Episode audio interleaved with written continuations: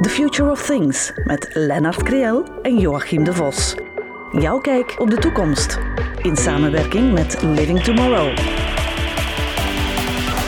Welkom bij The Future of Things, waar we het vandaag over iets zullen hebben dat echt wel prettig is en waar we allemaal een beetje naar uitkijken.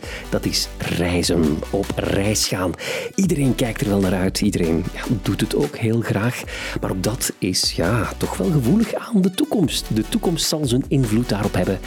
En als ik over de toekomst spreek, spreek ik uiteraard ook over technologie. En ook dat zal zijn invloed hebben op hoe je gaat reizen in de toekomst. Uh, ik heb het niet uh, alleen over de toekomst. Nee, nee, ik heb mijn uh, vaste partner in crime bij me, Joachim de Vos van Living Tomorrow. Dag Leonard. Dag Joachim. Ja, reizen, iedereen houdt ervan. Iedereen doet het graag, maar gaan we dat in de toekomst ook nog graag doen? Gaan we dat in de toekomst ook nog willen doen? En vooral, zal het er een beetje hetzelfde uitzien? Ja, absoluut. Uh, we zullen heel graag blijven reizen, denk ik, want dat is een stukje verkennen. En dat is een stukje jezelf ontplooien, jezelf ontwikkelen. En dan kan je zeggen, ja, ik ga dat vanaf nu alleen via de VR-bril doen, mm. maar ik denk dat we dan toch ietsje missen. Als we het over reizen hebben, ja, dan hebben we het eigenlijk over iets wat nog niet zo lang bestaat. Hè. We mhm. reizen maar van het moment dat het mogelijk was en vooral ook betaalbaar was. Vroeger reisden we vooral ja, omdat we moesten reizen. We deden dat voor ons werk. Eh, ik denk, als we echt naar die commerciële reizen bekijken of, of gaan, dat, dat, dat zal ergens ontstaan zijn, denk ik, in de jaren 50, 60. Toen gingen we met z'n allen richting Spanje. En dan moest dat Belgisch eten zijn, want anders aten we dat, dat eten vandaar niet. Uh, België werd geïmporteerd in Spanje, bij wijze van mhm, spreken. Mhm, mhm. Ondertussen zitten we al veel verder. Hè. Ja, klopt. De helft van de Belgische bevolking heeft de piramiden in Egypte gezien. Mensen maken wereldreizen alsof ja, alsof het niks is, dat is ook nog vrij recent. En dat vermoed ik, die snelheid waar dat nu in gaat, ja, dat zal niet veranderen. Wel ja, het reizen uh, is ten alle tijden, maar zoals je terecht zegt, het was noodzakelijk, vaak ook om te overleven of door instabiliteit. Dan gingen mensen echt van het ene continent, soms zelfs naar het andere, zich moeten verplaatsen, uh, omdat dat nu eenmaal noodzakelijk was. Het commerciële toerisme is inderdaad uh, nog vrij recent en heeft een vlucht genomen, letterlijk een vlucht genomen, met de ontwikkeling van de uh, luchtvaartindustrie en met ook het economiseren van de luchtvaartindustrie. Hè. Herinner u, het is ietsje veranderd na COVID, maar dat je voor 99 cent naar de andere kant van Europa kon vliegen, daar stelden we ons toen nog amper vragen bij. Het was alsof het normaal was en ja, dat dat ook een footprint naliet, daar hadden we het niet echt over. En ja, dat heeft ervoor gezorgd dat we wereldwijd ons ontzettend aan het verplaatsen zijn, mhm. wat ook de nodige nieuwe uitdagingen met zich meegebracht heeft. COVID-19 uh, is kunnen een pandemie worden, nu eenmaal door het massale reizen die we doen dat, uh, dat spreekt voor zich. Mhm. Ja. Mhm. ja, ziektes hebben altijd uh, hun weg gevonden via reizigers. Hè. De, de pest, denk ik, was hetzelfde verhaal. Hij heeft, heeft zelfs diezelfde route gevolgd. Dat is een mhm. heel, heel vreemd gegeven. Uh, bepaalde routes hebben toch een, een, bepaald gevaar dat ze met zich meepakken of meebrengen. Zeg, als we naar dat reizen gaan, um, ik merk dat we op zoek gaan naar verder, meer extreem. Het is een deel prestige ook. Eh, het is een deel uitpakken. Ik denk dat uh, Instagram en social media en andere zaken daar niet veel goed aan doen. we willen vooral laten zien wat we doen. We willen daarmee uitpakken. We willen beleven. Ja. Zal dat in de toekomst even extreem blijven? En met andere woorden, gaan we nog meer extremiteiten opzoeken? Want als we allemaal extreem zijn, moeten we extremer gaan om weer te gaan opvallen. We gaan vooral uh, nieuwe mogelijkheden hebben. En dat uh, om, om te reizen, om dingen te verkennen, uh, op twee manieren. Enerzijds, als je kijkt naar de transportmiddelen, die zijn natuurlijk enorm aan het evolueren. Mm -hmm. Als we het hebben over space travel, is iets wat vijf jaar geleden zelfs nog niet mogelijk was. En vandaag kan je effectief al toch tot bijna aan de grens van de ruimte komen als je daar voldoende voor betaalt. Voorlopig nog voor de happy few, ik ging het net zeggen. Of heel diep in de oceaan, maar daar zijn toch heel wat risico's aan verbonden, dat hebben we ook gezien.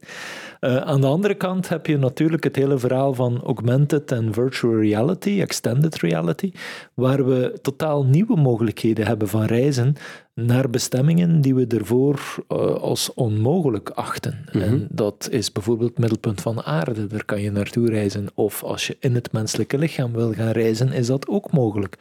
Dus ja, je, reizen kan je uiteraard op een nieuwe manier gaan definiëren. Mm, maar in hoeverre wordt dat reizen of is dat eerder marketing of entertainment? Ik kan mij voorstellen dat ik naar het, uh, het reisbureau van de toekomst ga, uh, laat ons zeggen 2045, 2050. Men wil mij een reis verkopen en zegt van, mm, ga even zitten, hè, zet even de bril op en dan we je al even mee. En, en dan heb ik dat al voor een deel gesmaakt. Ja.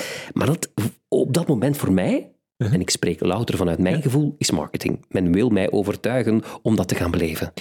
In hoeverre is dat reizen of entertainment? Uiteraard is, uh, als je het hebt over commercieel toerisme, heeft dat altijd een stuk te maken met economie. En uiteraard, het moet verkocht worden, dat is marketing.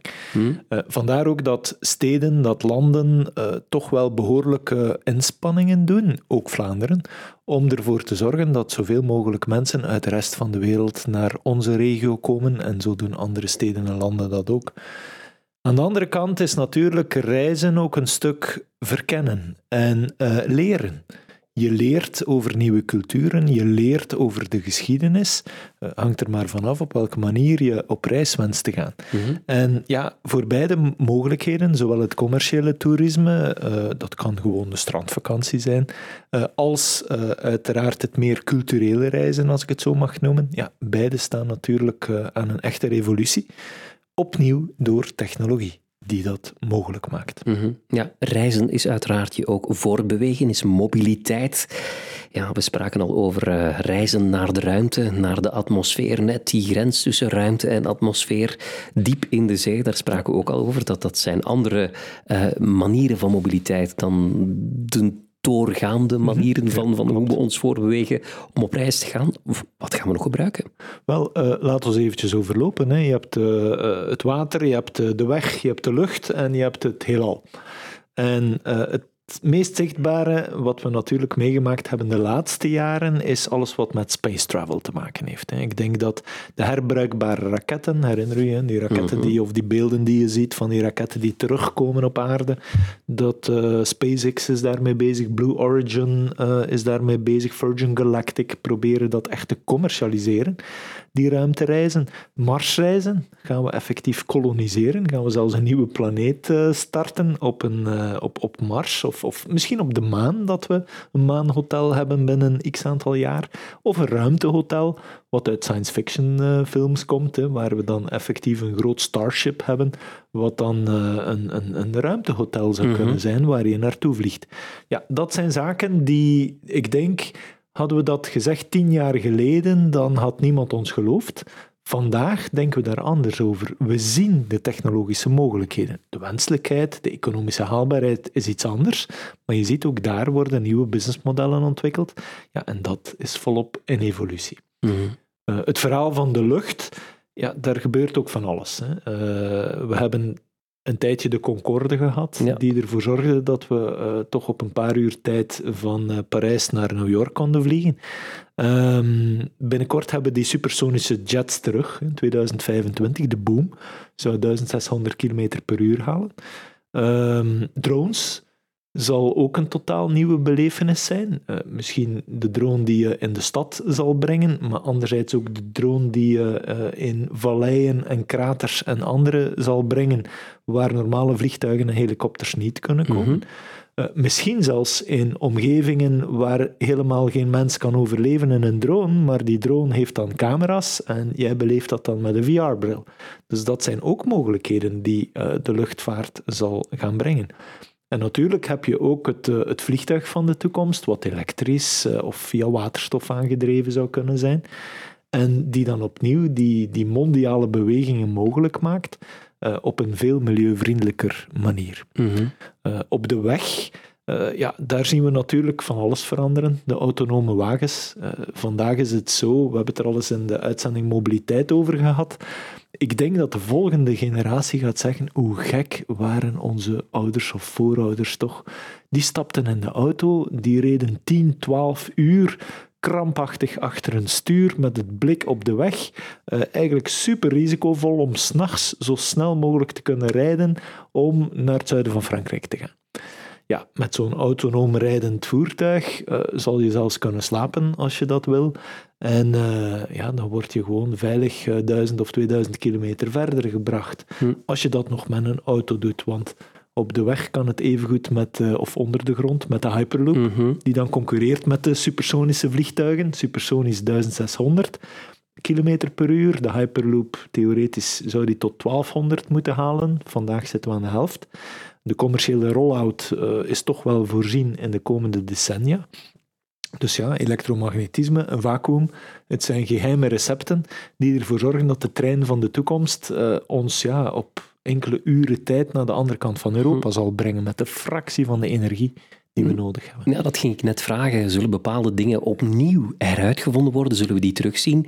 Ja, de trein wordt hier weer belangrijker in onze rush naar duurzaamheid.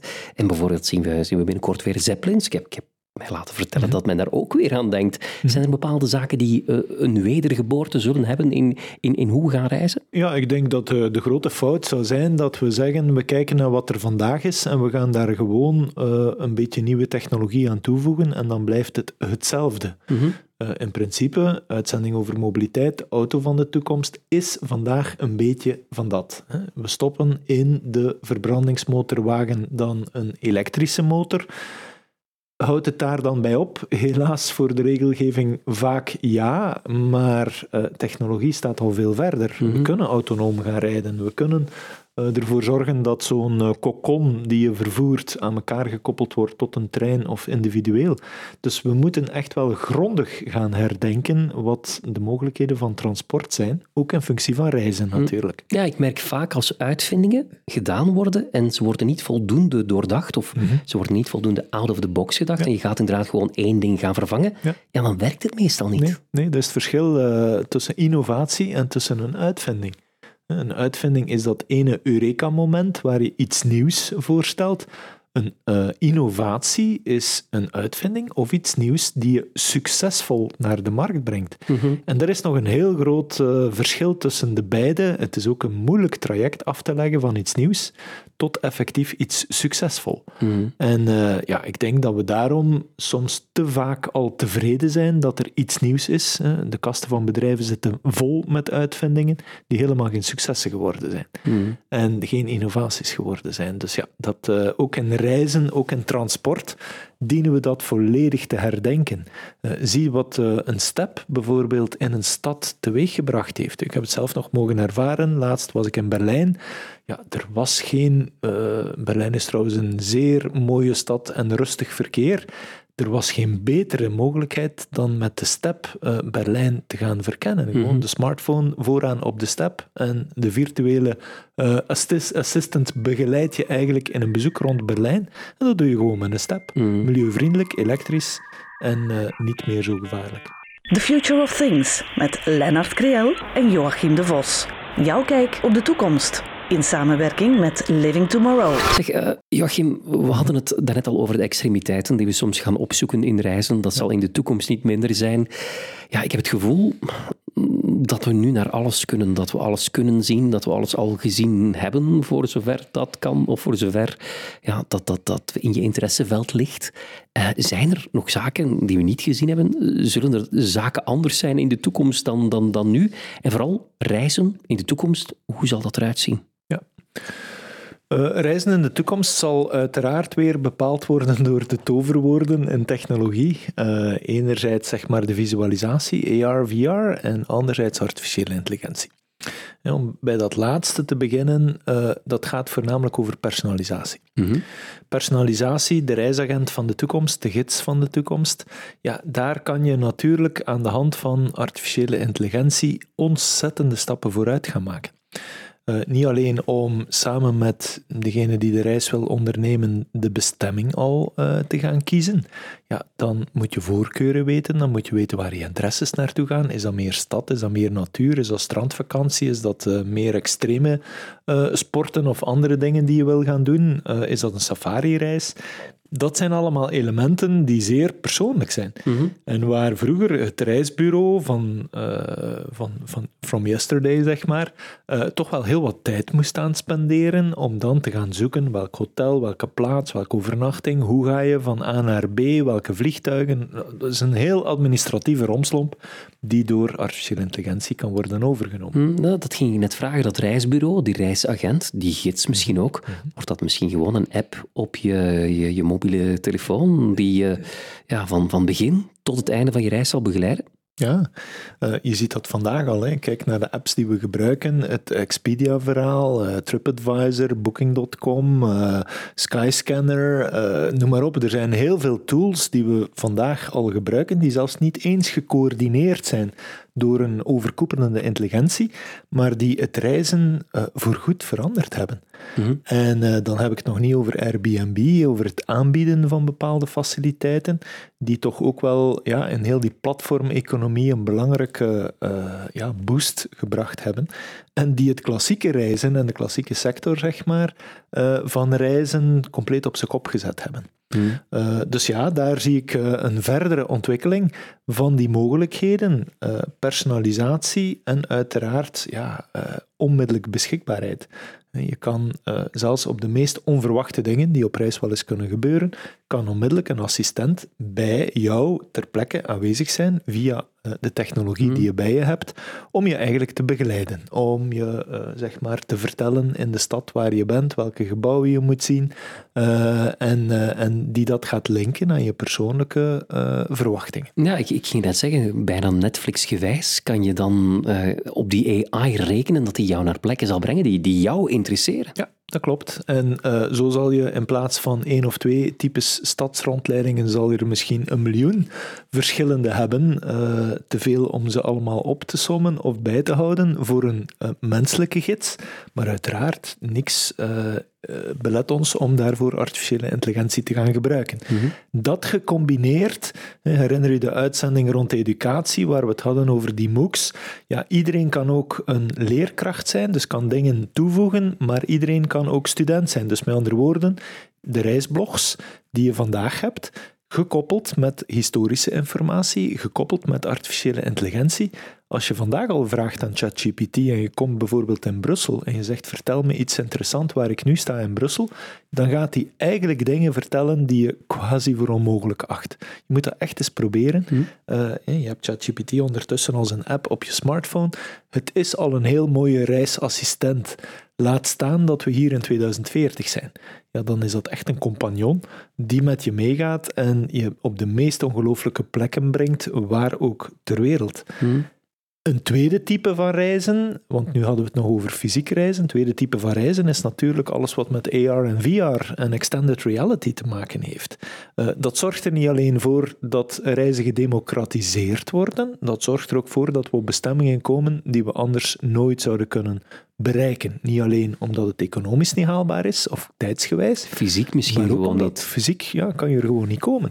Als je naar het middelpunt van de aarde uh, wil reizen, zoals Jules Verne destijds, maar ietsje dieper, uh, ja, dan zal dat effectief mogelijk zijn. Wil je een reis door het menselijke lichaam maken, dan is dat perfect mogelijk. En uh, wil je extreme sporten gaan beoefenen, ja, dan is dat ook mogelijk. Ik geef maar een voorbeeld. Je kan door de Grand Canyon vliegen vandaag uh, met een VR-bril. Ehm, dat kan je daar ter plaatse in uh, een aantal uh, stations die zo uitgebouwd zijn. Er wordt een drone losgelaten en je gaat met een aantal mensen effectief met een VR-bril op, ga je door de nauwste spelonken van de Grand Canyon. Hm. En daar vliegt uh, zo'n mini-drone in razende snelheid uh, doorheen. Iedereen kan zelf kiezen welke uitzicht uh, je neemt als je die drone mee gaat volgen. Ja, dat zijn zaken die anders niet mogelijk zijn. Maar ik denk bijvoorbeeld ook aan virtuele groepsreizen. Je kan gerust in een groep gaan reizen, mensen van over de hele wereld. Je gaat samen naar de Noordpool, je gaat er fysiek niet naartoe, maar je ontmoet elkaar, je praat met elkaar, uh, je beleeft dingen met elkaar, je voelt warmte, je voelt koude. Uh, dat zou best in de cinemas van morgen kunnen zijn, dat je in plaats van naar een film te gaan kijken, dat je met geconnecteerde cinemas over de rest van de wereld samen eens een uurtje of twee uurtjes op de Noordpool gaat rondwandelen en dingen effectief gaat voelen, beleven, zien, ruiken. Uh, absoluut mogelijk. Laat staan als je het nog hebt over daten in de toekomst. Want die reizen bestaan natuurlijk ook. En ook dat, uh, ja, daar zit natuurlijk ook weer enorme business in. Hè? Mm toerisme en reizen is business. Dus dat mag je absoluut uh, gaan, uh, gaan verwachten. Maar als we die dating-app al mee hebben die ons door en door kent en mm alles vertelt wat we willen horen, ja, in hoeverre willen we nog gaan daten in de toekomst? Hè? Ik heb daar in uh, mijn boek Why Innovation Fails uh, is een oefening rond gedaan waar ik keek van ja, twintig jaar geleden, hoe zag het leven eruit? Uh, ook rond ontspannen, educatie, daten, noem maar op. Hoe ziet het er vandaag uit? Hoe is het geëvolueerd en hoe gaat het er binnen 20 jaar uitzien? Ja, en dan ga je effectief, want reizen is bijvoorbeeld ook naar een concert gaan. In, dat, in een boek beschrijf ik dat je met de Hyperloop op een uurtje tijd ben je in het zuiden van Frankrijk. Daar volg je, uh, ik spreek nu over 2040 en 45 en beyond. Uh, ik vermoed niet dat Jean-Michel Jarre dan nog zal leven. Ik hoop van wel, maar uh, fysiek gezien zou dat uh, bijna onmogelijk zijn. Maar je maakt daar dan een concert van hem mee. Uh, het podium zweeft op het water. je hebt de helft fysiek publiek en de helft virtueel publiek, mm -hmm. maar het is holografisch. Dus je ziet niet meer wie echt is en wie niet echt is. En uh, je kan zelfs uh, virtueel aan elkaar gematcht worden. Hè, want het Tinder-verhaal in 2040 zal ongetwijfeld ook een stuk intelligenter geworden zijn dan vandaag. En uh, ja, nieuwe mensen leren kennen, dat is trouwens ook iets waarom velen op reis gaan, om culturen en mensen te leren kennen, want reizen is ook des mensen, niet alleen des natuur. Ja, dat is een heel belangrijk element die we zeker in die uh, reizen van de toekomst zullen, uh, zullen zien. Die mm -hmm. onbereikbare bestemmingen uh, misschien die vulkaan die je wel eens uh, wil gaan bezoeken. Of eens een bezoekje aan Mars gaan brengen, zonder dat je effectief het budget ervoor op tafel moet leggen om met SpaceX naar daar te vliegen. The Future of Things met Lennart Creel en Joachim de Vos. Jouw kijk op de toekomst. In samenwerking met Living Tomorrow. Er is nog altijd dat obstakel. Hè? We moeten die vakantie aan onze baas gaan aanvragen, die vakantiedagen. We hebben er een aantal, een maximum aantal, en, en daar moeten we rekening mee houden. Maar we zien hoe langer hoe meer dat mensen uh, ook remote gaan werken. Dus dat die eigenlijk van op afstand gaan werken. En meer nog, er is ook zoiets als een digital nomad zijn. Je op de planeet begeven en werken waar je ook maar wil op de planeet. Ja, als we dat morgen allemaal zijn, dan is het begrip reizen misschien ook net wat anders. Gaat het ook net wat anders ingevuld worden? En wordt dat reizen misschien ook gewoon minder belangrijk, omdat je altijd op reis bent. Komt er een moment dat we ja, afgaan van, ons, van onze werkplek, dat we gelijkwaar kunnen werken en dat we eigenlijk elke dag op reis kunnen gaan, Joachim?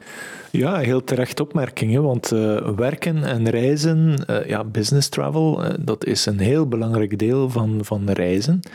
Uh, het is zo dat heel vaak reizen ondernomen werden, ik spreek uh, met opzet en verleden tijd, omdat mensen elkaar wilden ontmoeten, dat ze elkaar wilden zien, uh, congressen die georganiseerd worden aan de andere kant van de wereld, waar je dan dagen, uren voor onderweg bent om één uurtje uh, iemand te zien spreken. Ja, dat zijn zaken die toch stilaan aan het veranderen zijn. Mm -hmm. Niet alleen onder impuls van de duurzaamheid, maar ook omdat het gewoon kostenwise voor een bedrijf niet echt meer relevant is om dat te organiseren. Mm. Over dat werken voor, of reizen voor het werk, dat afspreken met iemand, ik denk dat je daar onmiddellijk met de oplossing VR zal komen. Ja. Hè? Want, want Meta heeft eigenlijk al zo'n systeem op poten gezet dat op dit moment nog niet helemaal... Ik heb nog niet het gevoel dat ik aan het werken ben als ik die bril op heb en in een, in een workspace zit. Je avatar heeft nog geen benen. Nee, bijvoorbeeld. En ik vind het nog allemaal wel wat uh, cartoonesk. Uh -huh. Maar in de toekomst zal dat mogelijk wel anders gaan worden. Ja, absoluut. Hè. Uh, het is zo dat uh, de, de, de vooruitgang in visualisatietechnologie zal het voor personen in een businessomgeving quasi onmogelijk maken om te weten, zoals wij hier nu in de studio zitten, zit jij daar nu echt of is het een En eenmaal we zover zijn, ja, dan zal toch een belangrijk deel van die businessreizen die alleen als doel hebben om elkaar te ontmoeten, elkaar fysiek te spreken, uh, ja, dat zal toch wel gaan veranderen. Een ander element natuurlijk binnen uh, alles wat met werk te maken heeft, is dat je ook een stuk moet een land gaan verkennen, cultuur gaan verkennen, omdat je daar business wil doen dat geloof ik zal iets minder ingevuld worden door AR en Mhm. VR. Natuurlijk zal AI je wel weer gaan ondersteunen, maar eh, het zal toch wel een belangrijk deel blijven van de reis, eh, reizen die ondernomen worden wereldwijd. En het, het, het blijft ook een belangrijke inkomstenbron voor de luchtvaart en straks ongetwijfeld ook voor de space-industrie. Eh, dus ja, het, het zeg maar op reis gaan voor je werk is belangrijk. Nu hebben we het omdat je dat professioneel moet doen. Uiteraard merk je ook dat mensen graag remote willen werken vanuit een inspirerende omgeving. Dus dat is het hele eh, workation, zoals men dat noemt. Mhm. Eh, het is vakantie, vacation, maar terzelfde tijd werk. Eh, vanuit een inspirerende omgeving. Een nieuwe technologie heeft ons dat mogelijk gemaakt om online te gaan werken. Dus ja, daar zie ik wel een enorme vlucht van. Dat, dat, dat zie je nu al, dat dat gebeurt in flexbureaus overal in het land. Ja, en waarom zou je beperkt zijn tot het land als je straks met die hypersonische vervoersmiddelen in een paar uur tijd eh, in een ander continent bent?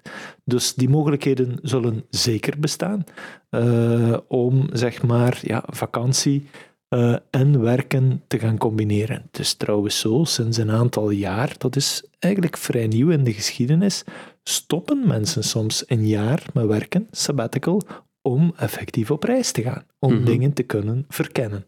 Ja, als je dat dan natuurlijk kan combineren met eh, het zelf organiseren van je werk, hè, want we gaan toch naar een ander soort van werkeconomie in de toekomst, eh, meer freelance, ja, waar mensen zichzelf de baas zijn, ja, en daar kunnen ze zelf gaan plannen hoeveel dagen vakantie ze hebben en hoe ze die vakantie zullen invullen. Mhm. En werken zal je dan eigenlijk ook overal kunnen en overal doen. Mhm. Ja, werken, maar dan op vakantie gaan klinkt nog zo slecht niet.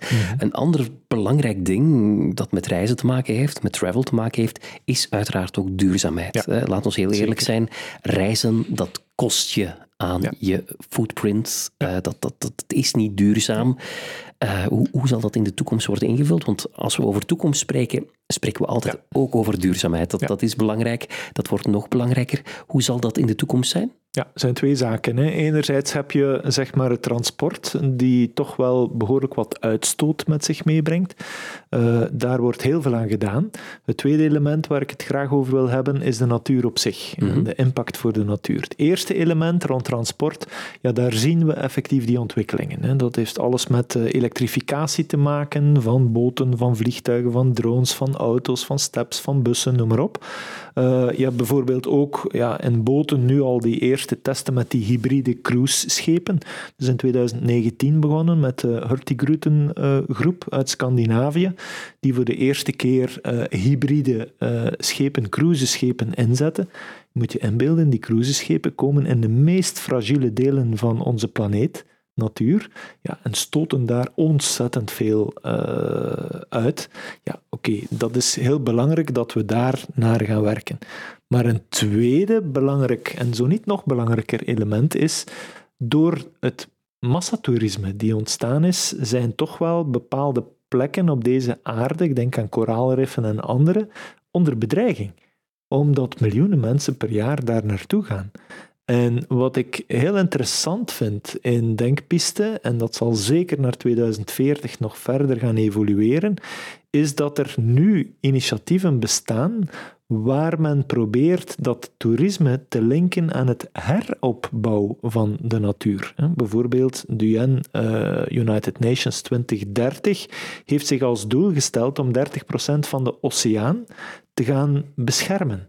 Beschermd gebied. En daar gaan ze samenwerken met organisaties die gaan duurzaam duiken. Dus met andere woorden, die niet alleen eh, zeg maar verantwoord gaan duiken om te proberen van die oceaan niet te beschadigen, maar die dat ook gaan doen door mensen uiteraard te laten betalen, beperkt in bepaalde omgevingen te laten duiken onder begeleiding, misschien zelfs mee eh, te helpen om bepaalde delen van de oceaan te reinigen, maar vooral ook met de financiële giften die zullen gebeuren, zal men de kans hebben om eh, die delen van de oceaan opnieuw eh, te, gaan, eh, te gaan herstellen. Een tweede mooi voorbeeld vind ik is Missoul Resort. Is een luxe eiland waar je alleen met blote voeten op mag komen. Het is 300.000 hectare groot.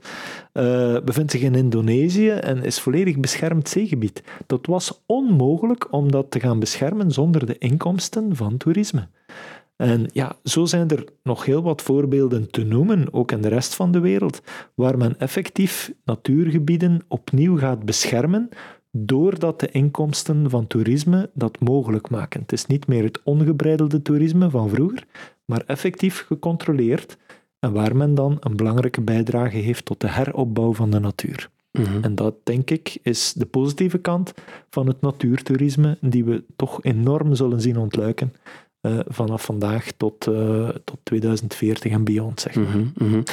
We hadden het daarnet al over die space travel, hè, mhm. reizen naar de ruimte. In hoeverre zal dat voor iedereen mogelijk zijn? En vooral in, in welke tijd moeten we denken? Want ik, eh, als ik het nu zie, zie ik het inderdaad voor de happy few. Het is uiteindelijk nog een avontuur dat je doet. Hè. Het is geen standaard commercieel reisje dat je doet. Er is altijd een risico aan verbonden komt er een punt dat, dat we met z'n allen naar de ruimte zullen reizen en vooral ook dat, dat het betaalbaar wordt? Ja, dus eenmaal je voorbij de stratosfeer gaat, zeg maar, wordt het echt wel duur, omdat men uh, toch wel een bepaalde kracht nodig heeft om uh, aan die aantrekkingskracht van de aarde te ontsnappen. Uh, dus de eerste stap zie ik eerder in, zeg maar, het het ruimtevervoer of tot aan de ruimte gaan om heel snel van de ene kant van onze planeet naar de andere te gaan. Op mhm. minder dan een uur tijd zal je eender waar op deze planeet kunnen staan. Uitdaging daar, men is volop in ontwikkeling, Starship is daar leidend, um, is natuurlijk om dat op een ecologisch vriendelijke manier te gaan doen. Niet alle uitstoot die je uitspaart door elektrisch te gaan rijden, plots met zo'n raket opnieuw in de lucht te gaan pompen. Dus daar is men volop aan het werken. Ik denk ook dat we daarin zullen slagen om dat te gaan doen. En uh, dat is de eerste stap, democratisering. Net zoals vliegtuigreizen vanaf de jaren 30 eigenlijk onbetaalbaar waren tot aan de jaren 50, 60. En er dan voor gezorgd hebben dat er massatoerisme kwam. Uh, ook zo zullen we dat hebben met die beperkte ruimtereizen. De volgende stap is natuurlijk uh, eenmaal erbuiten. En daar denk ik dat we eerder een soort van uh, ja, omnibustrein zullen hebben mhm. met een eerste stop en enige stop aan de maan. of op de maan. Omdat het van daaruit veel makkelijker vertrekken is voor internationale reizen. Ik zeg niet dat we allemaal naar Mars gaan reizen, hè, want je zit nog met een aantal fysische uitdagingen. Je gaat die snelheid nooit halen. Het blijft toch wel enkele maanden in die raketten verblijven. Maar ja, Misschien ga je wel enkele rondjes rond de aarde doen en dergelijke. En dat is allemaal perfect mogelijk vanaf een maanstation. Mhm. Eh, waar ook een maanhotel kan zijn, waar ook een maanstad kan georganiseerd worden. En ja, laat ons niet vergeten, uh, de maan zit ook vol met uh, natuurlijke grondstoffen die we heel graag zouden hebben. Dus er zal zeker en vast een verkeer gaan ontstaan naar uh, planeten en manen uh, buiten deze aarde. Mm, en dat verkeer dat ontstaat, kan dan weer voor een deel gesubsidieerd worden door toerisme, door toeristen die dat willen gaan zien. En op die manier is dat ook weer een vehikel om daar te gaan groeien voor, voor andere activiteiten. Ja, dat klopt. Hè. Dus een belangrijk deel van het uh, opkomende businessmodel, eigenlijk altijd geweest met ruimtereizen, dat men gezocht heeft naar mensen die in de eerste fase bereid zijn om heel veel geld te betalen om zonder de training van een echte astronaut, zeg maar, toch te kunnen meevliegen. Uh, het schijnt een unieke belevenis te zijn. Ik heb het nog niet meegemaakt, behalve via mijn VR-bril. Ehm, maar, uh, ik heb begrepen dat dat ook een beetje reizen is, hè, die VR-bril. Dat, dat, is zo, ja. Ik kan het alleen maar mensen aanraden die zo'n bril hebben, zoals een Oculus. Hè. Er mhm. zijn nog de vrij goedkope middelen, komen er betere aan nu. Maar ik ben zo recent eens naar het Noorderlicht gaan kijken. gewoon in mijn eigen woonkamer, maar dan met de VR-bril. En je vindt hele mooie 4K-filmpjes, 360 graden, die je via zo'n bril kan bekijken van het Noorderlicht. Mhm. het, het is echt adembenemend. Dus ik kan me wel inbeelden, als je het dan ook in het echt nog eens ziet, dat het nog eens zoveel mooier is. Mhm. Maar het was al heel bijzonder.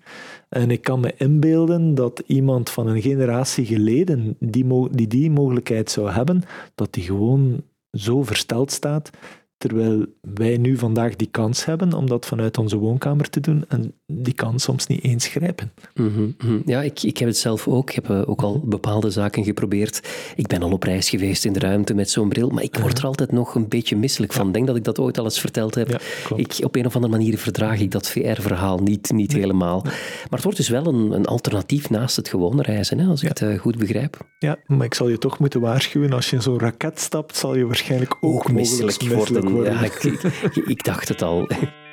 The Future of Things met Lennart Kriel en Joachim de Vos.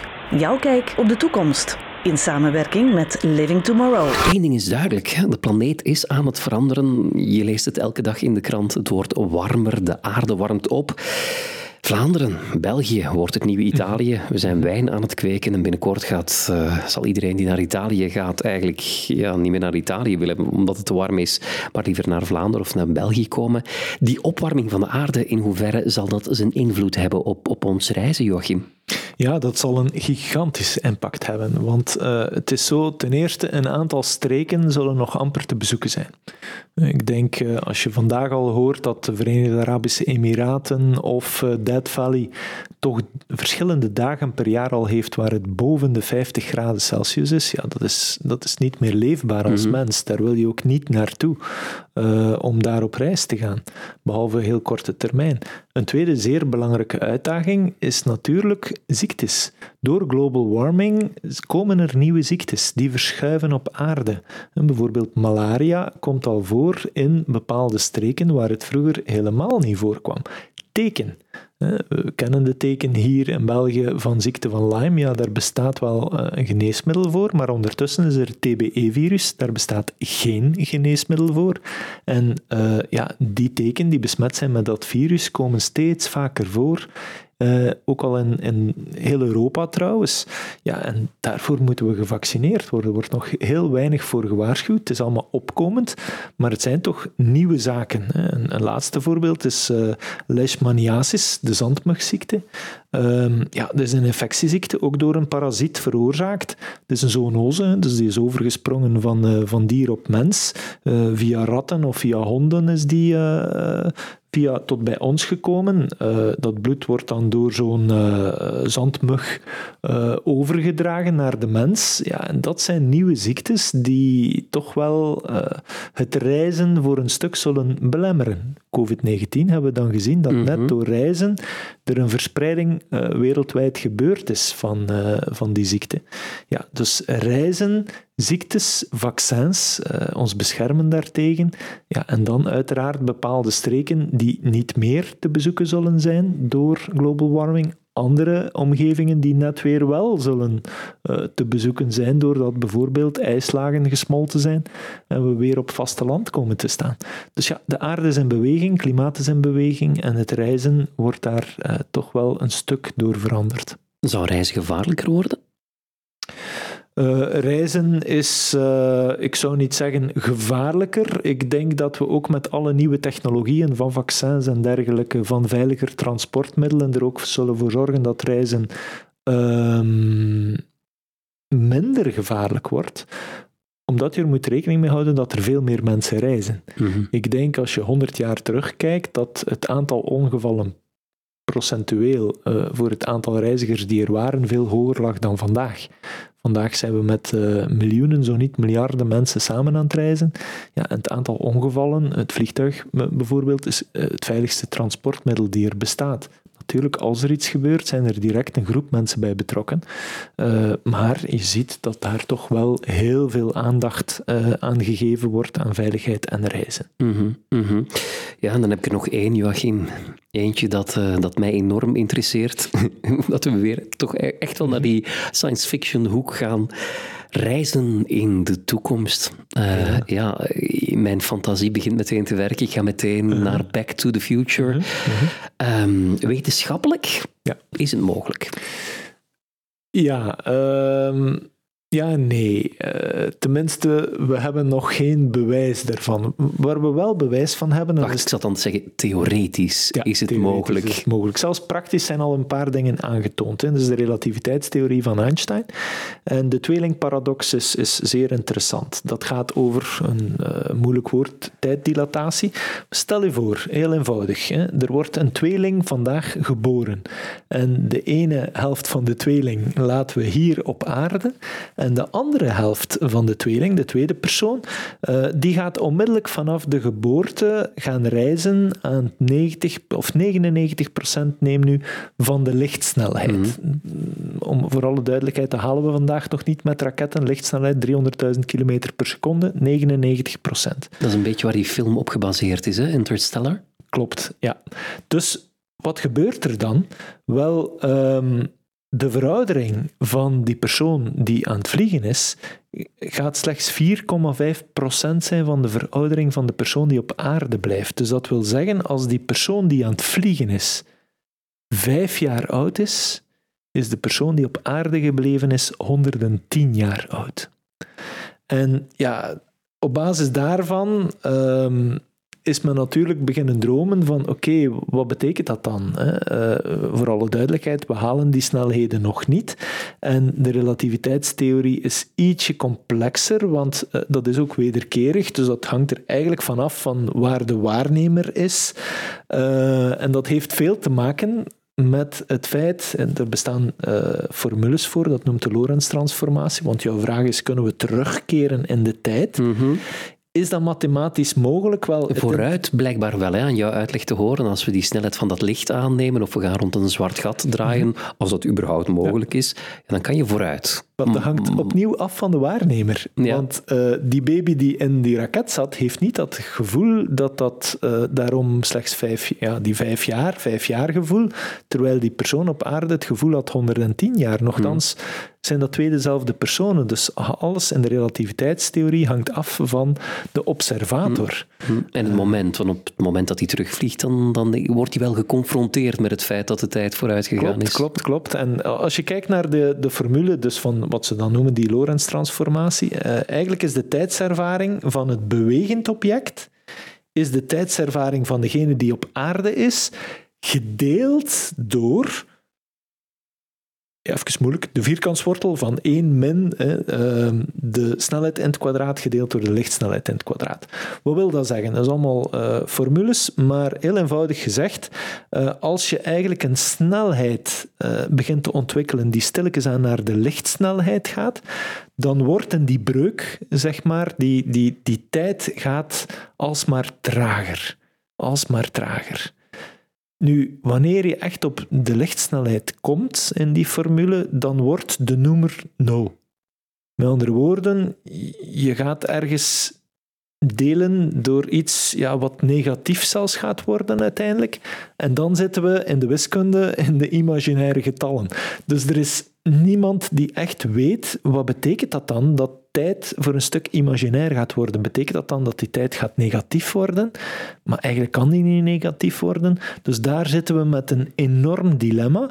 Uh, we hebben wel uh, dat hele verhaal van tijdsdilatatie, dus die vertragende uh, tijd wanneer je reist, hebben we kunnen vaststellen via proeven. Dat heeft men gedaan met atoomklokken. Men heeft een atoomklok op aarde laten staan en men is rond de aarde gevlogen met een boeiing. Daarin stond een tweede atoomklok. Wanneer die terugkwamen op dezelfde plaats en ze vergeleken die, dan was de tijd verschillend. Dus daarmee was dat uh, zeg maar bevestigd. Maar we slagen er natuurlijk niet in om uh, nog maar een fractie van die lichtsnelheid te bereiken. Uh, gaan, we dat ooit, uh, gaan we daar ooit in slagen? Daar is een mogelijkheid dat we daarin slagen. En de grote vraag zal zijn, wat gaat er gebeuren wanneer die noemer negatief wordt? Wanneer mm -hmm. tijd dus eigenlijk negatief zou moeten worden. Betekent dat dan dat we terugkeren in de tijd? Dat is fysisch een enorm vraagstuk, uh, waar ik zeker niet voldoende van op de hoogte ben om te kunnen zeggen van ja, we dat gaan het doen kunnen. of we gaan het niet doen. Ja, nee. ja, op dit moment lijkt het mij vooral een wetenschappelijk experiment. Ik zou het eerlijk gezegd niet willen doen en dan terugkeren en ontdekken ja. dat alles wat ik, wat ik wou en lief had en, en, en, en graag had, er niet meer is. Maar wat wel interessant is, daar hebben we het in de vorige uitzending over gehad, hè, de toekomst van het onderwijs. Je kan al gaan tijdsreizen aan de hand van artificiële intelligentie en virtual reality. Je kan perfect, zeg maar, uh, die, uh, de bestorming van de Bastille in Parijs opnieuw gaan meemaken zoals je er zelf bij was. En artificiële intelligentie zal met uh, uh, virtuele acteurs en dergelijke ervoor zorgen dat je het meemaakt net zoals je er zelf bij was. En dat denk ik is al een heel belangrijke verandering. Ook in het reizen. Uh, zelfs al zou je naar Parijs reizen, maar waar je dan effectief, het is niet via virtual reality, maar augmented reality, mm -hmm. dingen ziet gebeuren of een stad ziet veranderen zoals die in de geschiedenis veranderd is. De grote vraag is natuurlijk, fysiek zullen wij als mens ooit in staat zijn om de geschiedenis te veranderen door met tijd te gaan sleutelen? We kunnen dat. Uh, in de ruimte vandaag. Dat is inderdaad die uh, hele tijdsdilatatie. Maar dat blijft nog uh, zeer voorzichtig. En, maar ja, stel dat we er ooit in slagen om bepaalde transportmiddelen te maken die geen 1600 km per uur, maar 250.000 km per uur gaan. Raketten gaan al tot ongeveer, ik dacht, 50.000 kilometer mm -hmm. per uur. Dus dat is al behoorlijk snel. Maar dat is nog altijd een fractie van wat we nodig hebben om te proberen door die tijdsgrens te breken. Mm -hmm. En uh, ja, dan ben ik echt heel benieuwd wat, uh, wat daar zou van, van kunnen komen. Ik ga mijn DeLorean voorlopig nog in de garage laten staan, denk ik, want het zit er nog niet in. Hè? Back to the future, terug naar de toekomst. Goed, tot zover dus reizen. Reizen in de toekomst. Niet naar de toekomst, dat hebt u verkeerd begrepen. In de toekomst hierbij, The Future of Things. Blijf ons beluisteren, blijf ons ook herbeluisteren via onze podcast, die je onder andere op Spotify vindt. En verder uiteraard ook via de radio. En wij, wij horen je graag volgende week terug. Tot dan. Dag.